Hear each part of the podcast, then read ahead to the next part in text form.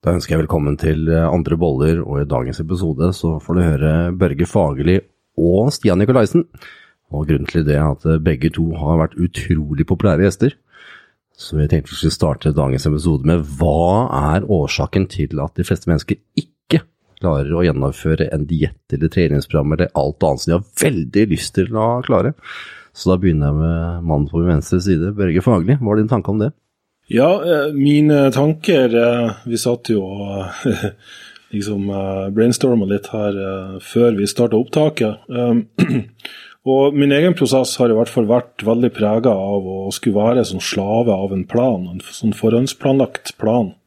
Der man bruker forskning, erfaring og eksperter og um, all mulig sånn ekstern informasjon for å strukturere opp og bygge en sånn plan som skal være perfekt på papiret, teoretisk sett.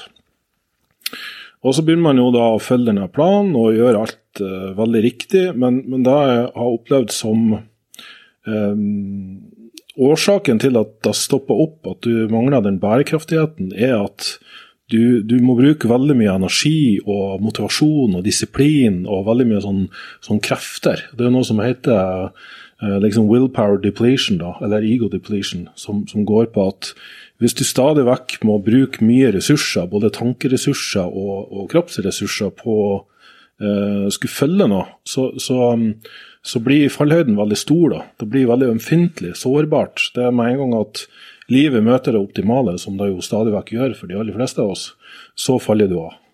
Og så føler du da at du har svikta planen. sant? Um, og, og, så glemmer man liksom av at vi er jo alle født med et naturlig instinkt og en intuisjon. Og, um, og, det er litt sånn at um, man kan ta veldig gode avgjørelser så lenge man ikke kognitivt blander seg så jævlig mye inn i alt hele tida. Um, og, og, de fleste av oss har jo tilbrakt de første årene av livet vårt ved å spise naturlig og gjøre det som faller oss naturlig inn, både lek og aktiviteter. Vi drev med sport fordi det var kult, fordi du hadde konkurranseinstinkt, og fordi det var liksom drivkraften. Du trengte ikke å sitte og, og liksom ha eh, masse ritualer du skulle gjennomføre for å klare å komme deg på gymmet, liksom. sant? Eller det å følge en matplan. Du, du, altså, du visste at Spiste du den og den sammensetninga med mat, så fikk du masse energi og følte ovenpå og kunne gå ut og leke og liksom eh, ha det bra da.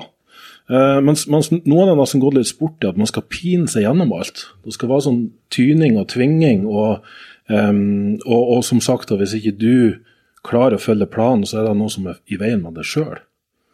Eh, og, det, og, det, er ofte der da, da stopper oppfølget, er at um, min, min, jobb som coach har jo alltid gått i å tilpasse planen så mye som mulig til en person, sånn at de skulle slippe å tenke så mye. Men med en gang du putter noe på automatikk, med en gang du, du, du slutter å trenge å bruke så mye disiplin og viljestyrke og motivasjon for å gjennomføre noe, at det blir en del av livsstilen din, det blir innebygga som en del av hverdagen din, og liksom mister du ei treningsøkt fordi du liksom måtte ja, plutselig var det din tur å hente barna i barnehagen, eller jobb kom i veien, eller et eller annet sånt, så føler du ikke det som en sånn stor menneskelig failure, da. Sant? Du bare OK, jeg tar økta i morgen, liksom. Det er en naturlig del av, av liksom, hverdagen at sånt skjer, da. Så, så den prosessen da um, har gått mer i den retning av at OK, jeg har etablert noe kunnskap og erfaring, og så stoler jeg på at jeg finner ut av det. Sant? Og dermed så blir det mer sånn at Eh, spesielt nå i den siste tida, som har vært en veldig travel periode for meg, så har det vært utrolig befriende å bare uh, slutte å tenke så veldig mye på både hva jeg skal trene og hvor mye, og hva jeg skal spise og hvor mye. Så har jeg en sånn fast, relativt fast plan, fast, men fleksibel plan, som jeg følger som jeg ikke trenger å tenke så veldig mye over. Det er sånn OK, jeg vet intuitivt at det her er mat som er, og en sammensetning som, som jeg både liker å spise, og som jeg føler meg bra på, føler meg mett på og har masse energi på. Um, og, og, så går det på en måte bare sin gang, da. Så får jeg dirigere min energi på, på ting som betyr mye mer, der jeg faktisk trenger å bruke huet mitt litt mer. Og da det paradoksale er jo at min kroppssammensetning og, og, og, resultater på gym og sånn har vært mye bedre siste må si, halve året, der alt det har vært bare en naturlig del av hverdagen.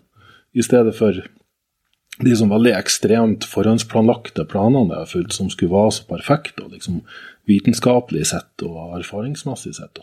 For da blir det mye mer spontant fra min egen intuisjon og instinkt, i, i, stedet for at det er noe som er designa ut fra en eller annen ekstern eh, virkelighet, eller ekstern eh, eh direksjon. da. Hva er din tak om det, Stian? Nesten bare si amen. Veldig godt, uh, godt sagt, forklart. Uh, helt enig i det Børge sier. Du dekket jo det aller meste der. Et lite tilleggs... Uh, ja, noe jeg kan tilføye der, er jo det at igjen det er veldig viktig for, for, folk å vite hvorfor de gjør det de gjør, og at det kommer fra dem sjøl. At ikke det er noe de føler at de må gjøre fordi de, de ser kanskje venner, de ser kanskje kjendiser på sosiale medier. Du, du, skal se så flott ut, du skal gå titoppere, du skal bygge muskler. Men at du faktisk gjør det fordi det betyr noe for deg sjøl. Eh, at det gir deg noe. Og eh, så, så, så Derfor så pleier jeg alltid å klargjøre det. Eh, hva er det du ønsker, konkret? Og, og, og hvorfor ønsker du det? Og så er det den biten som, som Børge sier der med hensyn til eh, altså da typediett òg, ikke sant. Altså vi, vi Jeg har vært innom absolutt alt for min egen del, men også, men også prøvd og feila med vanvittig mange klienter. Alt fra PH-mirakel til vegetar til blodtypediett til uh, Beverly Hills-diett og South Beach-diett. og det, det, liksom, Jeg har vært innom alt. Uh, men prøv å finne, da, ikke sant hva er altså Den beste dietten for deg er jo den dietten som du faktisk klarer å følge over tid. Ikke sant? Det som faktisk Selvfølgelig skal du gå ned i vekt, så vil du alltid kreve en del av det. Men, men ikke press deg inn i en ketodiett bare fordi du kanskje har lest en bok eller en artikkel om det at det skal være det beste. Hvis du kanskje er litt mer mot det enn at du heller litt mer mot f.eks. en høykarbo, lav fett, lav proteintype, til og med kanskje en vegetartype. Eh, så prøv, prøv, å snakke med en coach som, som er åpen for å kunne designe dietten for deg, for ditt liv, din metabolske type. Eh, så når folk vanvittig mye lenger. Mm. Nå ble jeg veldig nysgjerrig, som alltid. Du sa altså følg intuisjonen på hva du føler at det er riktig å spise. Og hvis mine tarmarterier sier at vet du hva, Nilsen, du er veldig glad i ananas, og ikke minst er du glad i biff. så vi gjerne følger det som mine tarmarterier vil ønske å spise. Du følger jo din intuisjon fordi du på en måte har i veldig mange år spist riktig type mat. For meg som ikke har gjort det. Ja, og der er jo en, alltid en, en, god idé, og i hvert fall i starten følge en, en plan sånn at du får referansepunkter. For Hvis du alltid har spist junkfood, så er det jo da hjernen din vil fortelle at uh, jeg trives best på muffins. Ja. altså, sant? Det er det jeg er bra på, liksom, fordi det smaker veldig godt. sant? Uh, men det er jo litt sånn uh, Først og fremst at jo mindre mennesker har tulla med maten, jo bedre kan man si at det er for deg. Mm. Sant? At ok, varmebehandling og frysing og alt det her er liksom innafor. Og med en gang du må begynne noe sånn veldig ekstrem eh, prosessering og behandling nå for å, for å lage mat av det, da, da, har det en tendens til å ikke fungere like godt uh, på sikt. Og ja, når vi vet, så er det jo at um, naturen, når den eh, produserer mat, så er det enten høy karb, lav fett, eller så er det høy fett eh, og høy protein og, og, lav karb. Og så er det liksom opp til oss da å kombinere det her. Mens når matvareindustrien skal designe noe som selger bra, for altså, Jeg tror jo ikke at de sitter Det her er jo folk sånn som meg og det. De ønsker jo ikke å gjøre folk syke. Men de overlater ansvaret til folk sjøl å regulere hvor mye av det her de spiser. Men det er smakfulle kombinasjoner av sukker og fett som overstyrer den eh, naturlige reguleringsmekanismen i hjernen vår for å fortelle oss hvor mye vi skal spise. Så du kan si jo mer av det og jo lengre tid du har spist den type mat, da kan det nok være greit å gå tilbake til litt mer sånn um, si naturlig kosthold, det blir jo et veldig vidt begrep. da, Men, men um, tenk over hva besteforeldrene og tippeoldeforeldrene dine spiste i det området du bor, i den sesongen du er i. Det har alltid vært min sånn overordna uh, filosofi når jeg skal fortelle folk hva de spiser. Jeg tror bestemor har glemt mer om kosthold enn vi har av kunnskap i dag, for å si det på den måten. Dere har jo begge over 20 års uh, fartstid på når det gjelder kosthold og trening. Begynner å kjenne deg, Berge, jeg har pratet om noen ganger, og deg har jeg, Stian, jeg har kjent i mange år. Dere begge har gått veldig over den alternative retningen. Dere har begge går fra bare å være inne på det med vitenskap og her må du ha og være helt på plass, og plutselig over til det for meg, som begynner å trappe meg litt over alternativet, jeg òg, så har det vært veldig sånn eh, litt uhåndgripelig. Hva er grunnen til at du har gått over til alternativsida så mye, Stian, som det du har gjort? Nei, for min del så begynte det i Eller det begynte med det at jeg fikk mye vondt i ganske ung alder. For jeg hadde trent mye med jeg hadde trent mye kickboksing og trent en del vekter et par års tid. Og når jeg var 17 år, så fikk jeg Da begynte jeg å kjenne at jeg, jeg, var, jeg var syk. Jeg fikk eh, kyssesyken. Og fikk aldri energien min tilbake etter det. Um, men jeg visste ikke at den utmattelsen kom av kyssesyken, så jeg sleit med det her i ti år etter det. Og forsøkte jo alt av leger og terapeuter, og det var mange som ikke hadde noe forklaring i det hele tatt. Men mange hadde kanskje en liten bit av svaret. Alle mente at det var en matvare jeg kanskje reagerte på, eller det kunne være det og det. Jeg forsøkte, eh, forsøkte da én og én ting. Eh, og det ga egentlig ikke noen særlig gode resultater. Og det her var jo da mye det med kosthold, ikke sant. Jeg kunne prøve å utelate melk for en periode, og så kunne jeg prøve uten sukker en periode, og uten eh, hvitt vettemel for en periode. Men det, det hadde ikke noe effekt. Og så eh, blei jeg da rett og slett desperat. Så jeg tenkte at ok, eh, hva kan det her være? For jeg, jeg, jeg blei ble nedstemt, jeg hadde, jo, jeg hadde jo virkelig ikke noe energi i det hele tatt. Så da begynte jeg å søke mer innen det alternativet. Jeg lurte på kan, kan det være noe, måte, noe mer, kan det være noe energetisk? Eh, for jeg visste jo ikke da før seinere tid at jeg hadde det som heter aktivt Epstein-Barr-virus. Som da hadde ligget lurt der i, i ti år. Så før jeg da fikk greie på at det var det, så hadde jeg allerede vært på søken innen det alternativet eh, i en fem år, faktisk. Og da var det jo alt fra spåkoner til healere til eh, auratransformasjon, og ja, jeg var innom, innom alt. Men det som var egentlig på en måte problemet, var at jeg, jeg søkte nok ofte svaret litt på utsida av meg sjøl. Eh, så det var ikke før jeg begynte å meditere, når jeg var helt i kjelleren. Jeg, jeg orka ikke gjøre noe annet. Hadde, fordøyelsessystemet mitt var så ødelagt at jeg klarte ikke å fordøye fast mat. Jeg kunne kun, eh, jeg kunne kun eh, juse økologiske grønne, grønne juser. Jeg orka ikke nesten å gå ut av døra, så det eneste jeg kunne gjøre, var egentlig bare sitte opp og ned i mørket og meditere. Og bygde meg da rolig opp til å kunne ta litt stående tai chi og litt qigong, og så litt rolig yoga. Og da med de økologiske jusene, jeg var veldig på det med Gerson therapy en, en periode, så bygde jeg meg mer og mer og mer opp og skjønte det at ok, det her det starter faktisk Og igjen, som jeg nevnte tidligere, jeg begynte å lese bøkene til Eckhart Tolle, ikke sant. Begynte å kunne stilne sinnet mitt, observere tenkeren. Og forsto da at det her det starter Veldig mye av svaret starter med det å skulle, å skulle skape den indre freden. Tankene og følelsene dine kan virkelig faktisk utmatte deg i seg sjøl. Og da begynte jeg å kunne bygge opp energien min litt, etter litt, etter litt. Og så når jeg da i tillegg noen år etterpå da fikk greie på at jeg hadde det Epstein-Barr-viruset, men da hadde jeg bygd så mye indre styrke og så mye indre ro og fred, at når jeg da faktisk ble kvitt det Epstein-Barr-viruset, eller fikk deaktivert det, da, da hadde jeg på en måte enda mer kunnskap, både om kosthold, men også da om den alternative biten, som vi kan kalle det. Hva var din vei over til den alternative da, Børge? Ja, jeg har ikke hatt de store helseutfordringene som Stian har, har hatt. Um, det har jo, sånn fordøyelsesmessig har det vært store variasjoner. Og du kan si jeg har hatt mye astma og bronkitt i min barndom, vært mye syk. Um, så uh, min, min liksom vei inn i hele det fitnessmiljøet, det var liksom for å finne et svar på hvordan jeg kunne få min kropp til å bli like god som mine lekekamerater, liksom. Fordi de var jo alltid bedre enn meg i alt mulig.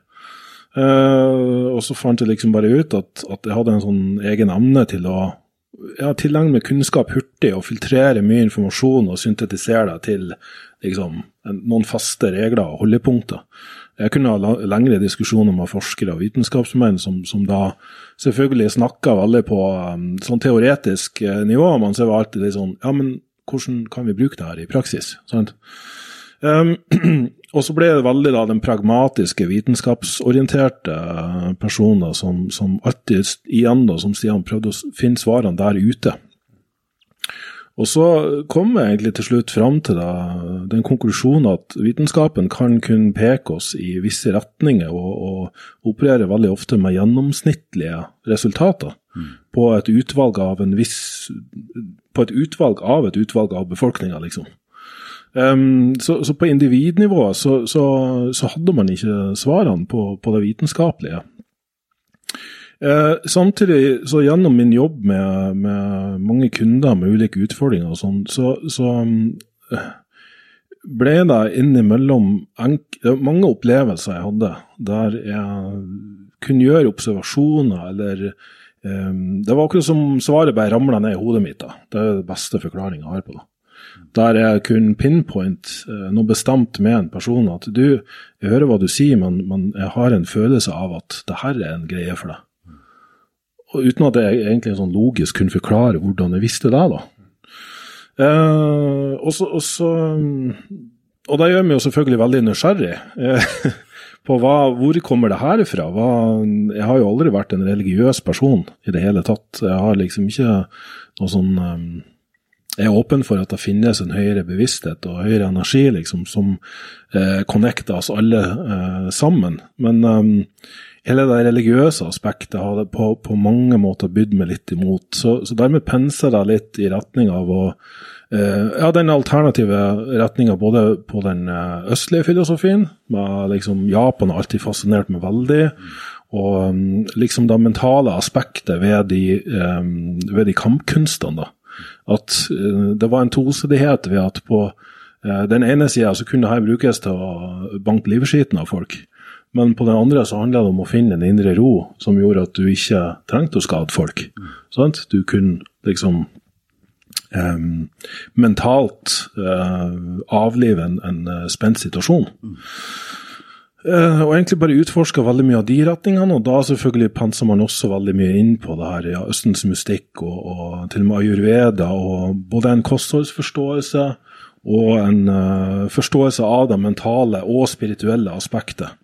Um, pluss at da min nysgjerrighet rundt det, å finne ut av hva er, hva er intuisjon, hva er instinkt, hva er det som, uh, som, gjør at man brått bare har eh, et svar eller veit noe som, uh, som, ingen har egentlig fortalt det, kognitivt.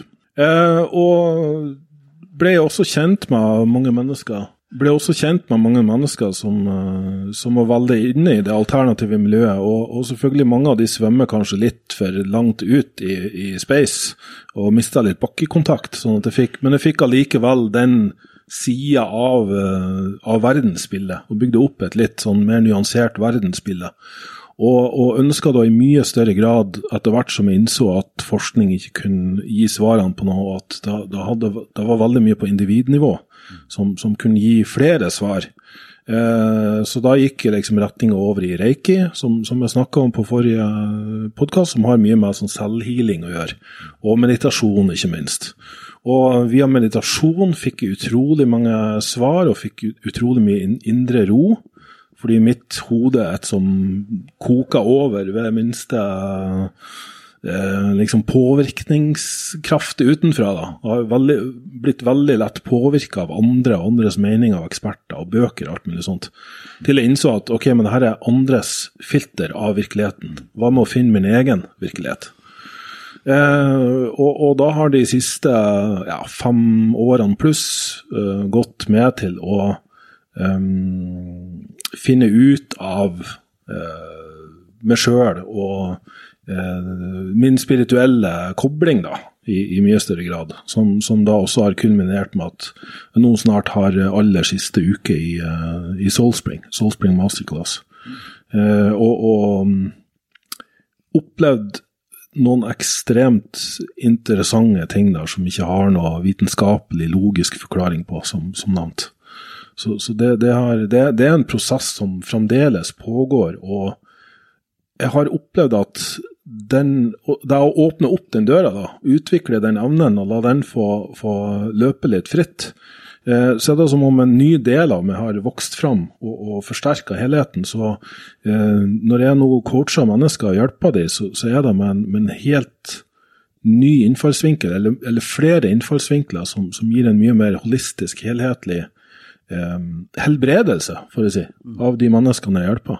Det går ikke bare på liksom, den maten du spiser og, og uh, hvor mange satt curl du tar, men det går på hvilken innstilling har du til livet, hva er dine indre verdier, hvor finner du din egen kraft? Refta Stian snakka om her også. Hva er din hvorfor? Forstår dere når eh, de som hører, og hvis det er sånn som det jeg alltid har vært i alle fall, mm. er i ferd med å løpe i andre retning og tenke hva er, det, hva, hva er de prater om her nå? Det her mm. blir liksom litt for uh, det her blir litt out of there for meg. Mm. Dere har jo begge vært på en side der dere også har tenkt samme som det jeg tenker litt nå. Mm. Og muligens du som lytter også. Hva vil du si til den personen som tenker at vet du hva, det her er jeg klarer ikke helt å forstå det her. Våkne opp. Nei Nei, eh... Nei, altså det er, det er, jo en vanlig tankegang for oss mennesker. ikke sant? Vi, vi er jo født da inn i en kultur, og med den bevisstheten vi har, og den er som regel begrensa til da det som du kan måle og veie, ikke sant, det, det, det, det, fysiske. Så det er veldig lett å kunne prøve å finne svara og meningen med livet med hensyn til hvor mye penger du tjener, og få den rette dama eller rette mann eller rette kroppen, og spise riktig kost for å komme i form og alt det der. Så det er, det er egentlig bare en en utbrodering av bevissthet. Du noen få mennesker starter med et åpent sinn, der de forsøker å finne svaret med det mer subtile og da kall det åndelige, ikke sant, det alternativet. Men de aller fleste mennesker de må gå den runda der de finner ut Altså, jeg kan ta det eksempelet her, da. De aller fleste klientene mine. Hvis du virkelig bryter det ned, så for eksempel, ok, du ønsker å komme i form. Ok, greit. Ønsker du å komme i form for din egen del? Halvparten ja, halvparten nei. Men selv de menneskene som ønsker å komme i form for sin egen del, når jeg da begynner å coache de videre og stille videre spørsmål, så er det nei, for jeg ønsker å få bedre selvtillit, og så ønsker jeg å få bedre selvfølelse, og så ønsker jeg å elske meg sjøl, og så ønsker jeg egentlig bare å, å få fred, ikke sant? De ønsker bare å ha den freden der de kan være seg sjøl.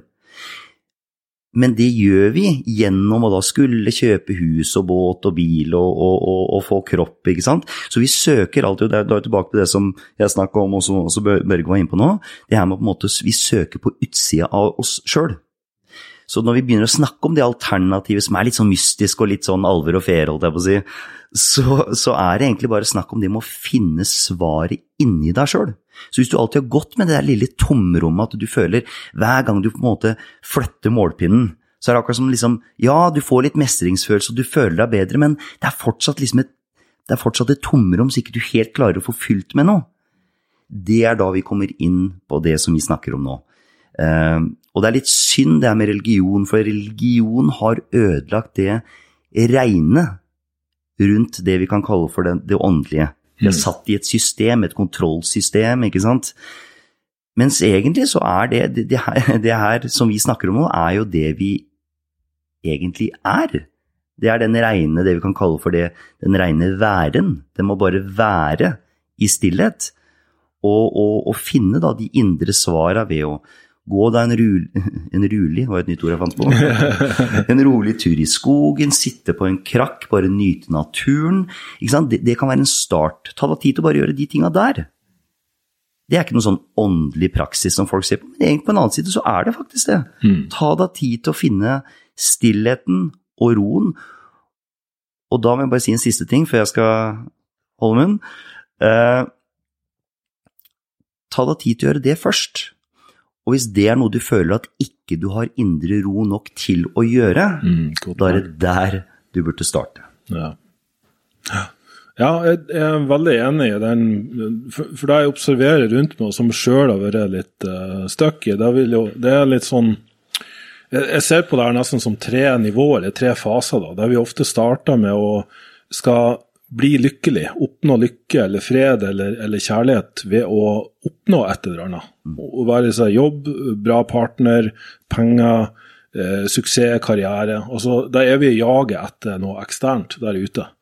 Eh, og, og det gjør fryktelig mange mennesker sliten. Og, og sjøl de som har overflod av en enkel ting, da, om det er penger eller suksess, de er fremdeles ikke lykkelige. sant? Og så går du kanskje da et trinn videre, som er litt det her med um, da å prøve å tiltrekke deg ting. Der mange uh, liksom har innsett at ok, men hvis jeg bare innstiller meg på noe bestemt, så, så har jeg en tendens til å tiltrekke meg det i livet. Og noen har jo uh, kanskje òg sett den The Secret og gått i liksom den retninga at hvis jeg bare eh, tenker meg liksom at, at jeg er rik eller har en fin partner, så er det større sannsynlighet for at jeg møter Eh, den partneren eller, eller eh, tjener penger eller brått arver fra en rik onkel i Amerika, liksom. Men du er fremdeles på det eksterne. Du er fremdeles, fremdeles Ja, du må, du, ja, du må, du må fremdeles handle det om å, å, skal oppnå noe eksternt for at du sjøl skal få det bra inni deg.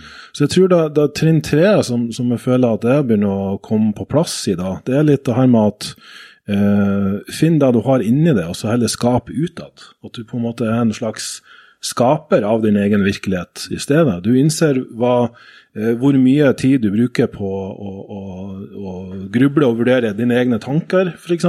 Ditt eget tankesett. At du tror du opplever virkeligheten, men egentlig bare opplever du tankene dine om virkeligheten. Så er du stuck i fortid, og så grubler du på framtid, og så klarer du liksom ikke å være til stede her og nå. Og så opplever man, i hvert fall jeg har opplevd mye, at jeg kan sitte i et rom med mennesker og egentlig ikke få med meg noen ting av det som skjer, fordi jeg er så opptatt av å gruble og fabulere om det som skjedde i går og det som skal skje i morgen og, og, og, frykt og usikkerhet rundt uh, framtid og alt mulig sånt. Og, og, alt blir fryktelig kaotisk. Og da er det den Hvordan kan jeg få ro? Hvordan kan jeg få stillhet? Og, og jeg mener at vi mennesker er skapt lykkelig. Mm. Jeg mener at det er en intern mekanisme mm. vi alle har. Se på barn, så ser hvordan de er. Som barn, ja, de er jo lykkelige overalt. Det, det ser jo, det, det å bli pappa har liksom vært min største um, lærings den bratteste læring, læringskurven noen gang har hatt, men også den mest interessante erfaringen jeg har gjort med. For da å sitte og observere han, hans nysgjerrighet for Du kan gi han en leke, og så leker han med aska i stedet. sant? Vi er der. sant? Mm. Og da finne ut av hvordan kroppen fungerer, og utforske bevegelse, og smake på ting, og spytte ut, og smake på noe annet, og så spise det. Altså, bare den nysgjerrigheten og utforskergleden, og han liksom eh, på sin måte skaper sin egen virkelighet rundt seg. Sant? Um, og, og, så samtidig har du det, det trinnet med at um, For det at ikke alle er der ennå, at de er liksom spirituelle eller åndelige, eller det her med å, å, drive med meditasjon, at det er kanskje litt for diffust og, og abstrakt for de ennå. Da tenker jeg at alle må gå sin prosess og sin reise, og den, den starter ofte med OK, uh, pass på deg sjøl, og så er det pass på de rundt deg og de nærmeste. Og så begynner du etter hvert å bli mer sånn Men hva med min connection med universet og menneskene og naturen og sånne ting? Og det er på, på en måte en reise um, de fleste burde ta, men som kanskje ikke alltid gjør, fordi spesielt nå i det moderne samfunnet er det så mye støy, og du blir påvirka i alle mulige retninger på at Instagram, her er suksess, her er en snapshot av suksess du er på et uh, solfylt sted og har masse penger og har pene folk rundt deg, liksom. Um, men det er allikevel ikke nok. Sant? De aller fleste sitter og kjenner at nå har jeg det her, men det her er ikke nok. Eller jeg har glimt av det, men det gir meg fremdeles ikke det jeg trodde det skulle gi meg. Så, så jeg tror det bare er en prosess, en reise, som kanskje noen aldri kommer til det punktet. Jeg vet ikke. Jeg tror vi alle har det i oss. Men, men, men, muligens må man møte nok utfordringer. Og, og jeg har sett fellestrekk, da, som da du sier, Stian. Um, at man har utfordringer. Enten helsemessig eller stressmessig eller um, i nære relasjoner. Som gjør at du, du til slutt går i alternative retninger for å, å prøve å forstå uh, meninga med livet, rett og slett. Min tanke etter å ha sittet og hørt på dere nå i en halvtime, og for meg som ikke er like alternative som det enda i alle fall, som det dere er, så er det én ting jeg sitter igjen med, at eh, jeg har en veldig indre ro. Selv om jeg ikke har eh, gått så langt over i den alternative rekka. Og grunnen til det er mange av de samme fellesnevnerne som dere har tatt opp. Det var at jeg møtte panikkangst og måtte løse den. Og for å løse den så måtte jeg måtte stille mange spørsmål for å finne svar. Og det jeg fant ut som svar var at når jeg skulle ha noe å leve av, så måtte det være noe jeg ville gjøre. Ja. Eh, og jeg sitter nå i dag og prater med dere fordi at jeg har lyst til å gjøre. ja. Og i mange år har jeg nå hatt eh, gleden av å gjøre det jeg har lyst til å gjøre. Eh, og det har gitt meg en indre ro. For det vil altså jeg jager aldri etter å gjøre noe som jeg ikke vil. Ikke sant. Selvfølgelig jeg må tilpasse meg og sånn, men sånn i hovedgrad da, så, så får jeg lov til, ja, heldigvis, fordi jeg har ofra mye, så får jeg lov til å gjøre det jeg har lyst til å gjøre. Og det gir en indre ro. Jeg tror for veldig mange så jager de veldig etter å finne hva de egentlig vil. Ja. Så vi kommer litt tilbake til ja, hva er hvorfor? Altså hvorfor, som var spørsmålet helt i starten av episoden. Så jeg tror mange som søker en sånn type som det dere nå har gjort, så er det litt sånn for å finne svar på hm, ja, er jeg egentlig på rette plassen og på rette hylla, og gjør jeg egentlig det jeg vil? Og jeg tror det at når man mediterer, så får man litt tid til å høre på de stemmene som dukker opp. Helt, helt klart. Som du sa tidligere, Børge, så har du nå brukt tida di på liksom, Nå skal du jobbe for My Revolution, og du endelig liksom satt deg litt, litt, litt andre veier i livet da, enn det det kanskje var før. Og samme sa du også Stian, at nå er liksom mer på foredrag, og nå har man satt mer, satt mer i veien. Og jeg tror at meditasjon gir en veldig åpning til å høre på svara som kommer. Ja. Fordi at når man gjør veldig mange ting man ikke har lyst til å gjøre, så hører man egentlig bare jækla mye rot. Ja, ja, ja, og vanvittig mye støy. ja, ja. Det er bare støy på hvorfor gjør jeg det hvorfor gjør jeg en dritt. Sånn, da kommer liksom alle de støytankene. Men gjør man det man vil, så kommer det ikke så mye støy, altså. Nei, det er jo det som er, eh, det er, det som er det, en av de tingene som er utrolig gunstig med det når du gir deg sjøl nok stillhet. Eh, tid til deg sjøl, kall det da. Og gjerne da aktivt gjennom stille meditasjon. For at du, du får jo vekk da det som Børge var inne på. Ikke sant? Du får vekk all, alle de framtidstankene som ofte går på frykt, og mye av de fortidstankene som dessverre ofte går på skyld og skam og ting jeg skulle hatt gjort og ting jeg aldri skulle hatt gjort, og han gjorde det mot meg og hun gjorde aldri det for meg, holdt jeg på å si. Eh, og, det er klart, du, du får den stillheten, og da finner du faktisk ut av hvem du er. Hvem er det jeg egentlig er bak all den programmeringa fra mamma og pappa og sosiale medier og presten og gud vet hva, ikke sant? Um, så det er helt riktig det du sier. Da, da, da, da er det mye lettere å finne ut ikke sant, hva slags yrke Altså, alle ting blir lettere å finne ut. Hvilken partner ønsker jeg egentlig? Hva slags jobb ønsker jeg egentlig? Hvor mye penger trenger jeg egentlig ha for min egen del? ikke sant? Hvor mye muskler trenger jeg egentlig? Hvor lav fettprosent? For at du, du finner ditt autentiske jeg. Og det er jo det eh, vi alle egentlig ønsker å komme til. Og så er det en viktig greie, synes jeg, for det, og det er å stå i ting. Har du på en måte valgt en vei, og du tror på den veien, og det er noe du innerst inne har lyst til å gjøre, så skal du ikke, ikke høre på lærdommen som er der ute. Men det er veldig viktig å følge den veien du vil, og stå den veien ut. Ja. Så sant du vil. For der tror jeg det er mange som, eh, når alle i familien sier vet du hva, dette er ikke lurt. Og så, Ja, ja. Nei, det er kanskje ikke det. Nei, og det er fort gjort å gå litt i sånn offer òg, at Yes. universet er urettferdig, og alt skjer med meg uten min kontroll. Så når, hvis du i stedet begynner å, å tenke på alt som utfordringer som livet har å by på, så er det mye mer spennende å løse problemer. og Mye mer løse lærdom. utfordringer. Ja, lærdom, men jeg mener at livet skal faktisk bestå av å løse en rekke problemer. Og, altså, det er jo der den største veksten skjer. Det er jo når du må løse problemer og finne ut av ting. Det som gir vekst. Ja, Ja, uten tvil. Og det er det her som jeg, jeg kan høre veldig ofte. Jeg skulle ønske det var enklere. Ja. Og jeg, kan, jeg har ikke telling på det jeg tenker på. Mange ganger jeg hører mennesker si at jeg skulle ønske at ting var enklere. Og man prøver å forklare at det, det handler ikke om å være enkelt. Det handler om å lære om den utfordringen det står i. For det er så vanvittig deilig å kjenne lærdommen etterpå. Det skal Ja, og- ikke være lett. Og min observasjon, er, jo- min, min observasjon er at de som har et problemfritt liv, eller som i deres hode oppleves som problemfritt, er enten fordi de unngår problemer, eller fordi de ikke har reelle, viktige problemer. Det, det blir såkalte drama queens. Ja, yes. De skaper problemer som ikke er der. Ja. Det, den har jeg sett litt, litt for mange ganger. Men jeg tror òg det som er fellestrekket med oss tre her nå, er jo at vi har hatt våre utfordringer. Um, som ved å løse de, så har vi også fått en, en underlig glede ved å hjelpe andre til å løse lignende problemer. Mm.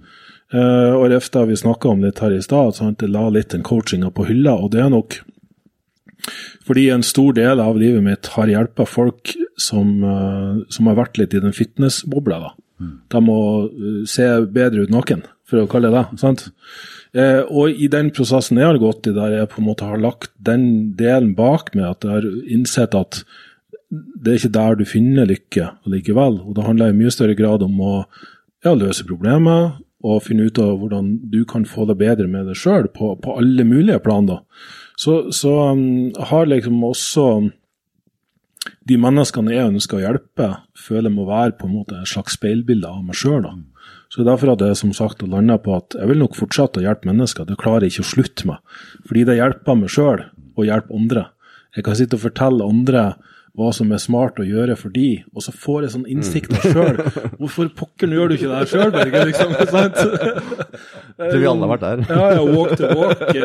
Talk to talk. Ja, ja. Så, så, at det faktisk landa litt på den at, at Det der med å ta tak i når jeg kom hjem, det var godt. Ja, ja, ja, ikke sant. At det landa litt på at jeg ønsker da å, å hjelpe travle pappaer og uh, mammaer med å ta bedre vare på seg sjøl. For det, har, det er altså den greia jeg står oppi sjøl. Mm. Jeg, jeg, jeg, rett og slett vet hva jeg skal gjøre, men det er ikke alltid at jeg får tid til, eller jeg har alle mulige forpliktelser, og roter meg veldig bort i si, både all kunnskapen jeg har, og kanskje ting jeg tror forventes, eller eh, ja, roter meg litt bort i de tingene jeg advarer folk mot å rote seg borti. Mm. Så, så um, i min prosess med å hjelpe meg sjøl, så, så, har jeg opplevd at når jeg da får hjelpe andre mennesker um, uh, som står i samme situasjon som meg sjøl, så får jeg en sånn ekstrem uh, glede, tilfredsstillelse, på deres vegne, hvis det er en mening. Mm. Tanker avslutningsvis, Stian? Ja, nei, jeg, jeg er uh jeg er veldig enig. Eh, og det er også mye grunnen til at jeg eh, begynte med da den mental-emosjonelle eh, coachinga, som jeg kaller det. Fordi det var jo det som var ofte mitt problem. Jeg hadde, jeg hadde en Jeg hadde utfordringer da med å finne ut genuint hvem som var Hvem jeg egentlig var, hva jeg egentlig ville, hva som var meninga med mitt liv. Og, og det her med også ikke være så, så vanvittig følelsesstyrt. Uh, og i hvert fall ikke av de følelsene, de grovfølelsene jeg kaller det. Frykt og skyld og skam og ikke sant. Men gjennom da å finne min egen vei gjennom å da studere coaching, uh, og da kunne hjelpe andre, og som Børge sier, ikke sant, gi råd, og så finner du ja, det, ja, det må jeg gjøre mer av sjøl. Ja. og så bygger du deg sjøl sterkere, og så har du mer visdom da å kunne gi andre igjen, ikke sant. Og så blir det en sånn positiv loop. Mm. Uh, og det er utrolig Det er rett og slett utrolig tilfredsstillende. Det er mm. ingenting som gir meg mer enn det å kunne hjelpe andre mennesker å kunne få et bedre liv. Og så mm. får jeg et enda bedre liv, og så mm. hjelper jeg de igjen. Og så da å kunne ha gjort det så greit at folk ønsker å ha meg på podkast, og nå kunne da sitte her med virkelig eh, oppegående, smarte mennesker som dere to. Det mm. gir meg vanvittig mye, og det håper jeg virkelig at eh, også gir eh, lytterne våre masse god underholdning og, og interessant kunnskap. Ja, Det er den berømte metaforen med å ta på din egen surstoffmaske på et fly før du kan hjelpe andre. Det er det jeg føler som er prosessen her. Mm. Hjelp, hjelp deg sjøl til å kunne hjelpe andre. Mm. For deg som lytter, så håper vi du har hatt en utrolig god lytteropplevelse. Det har iallfall jeg hatt som uh, lytter i dag. Mm. Og har du noen uh, spørsmål, så kan du sende dem til podcast at myrevolution.no. Og ønsker å høre disse to sammen i samme rom igjen, så send gjerne inn spørsmål om du har noen. Så mm. tusen, tusen takk for at dere hadde tid. Ja, og takk tusen takk for, for deg som hørte på. Mm. Ha det bra. Ha det bra. Ha det.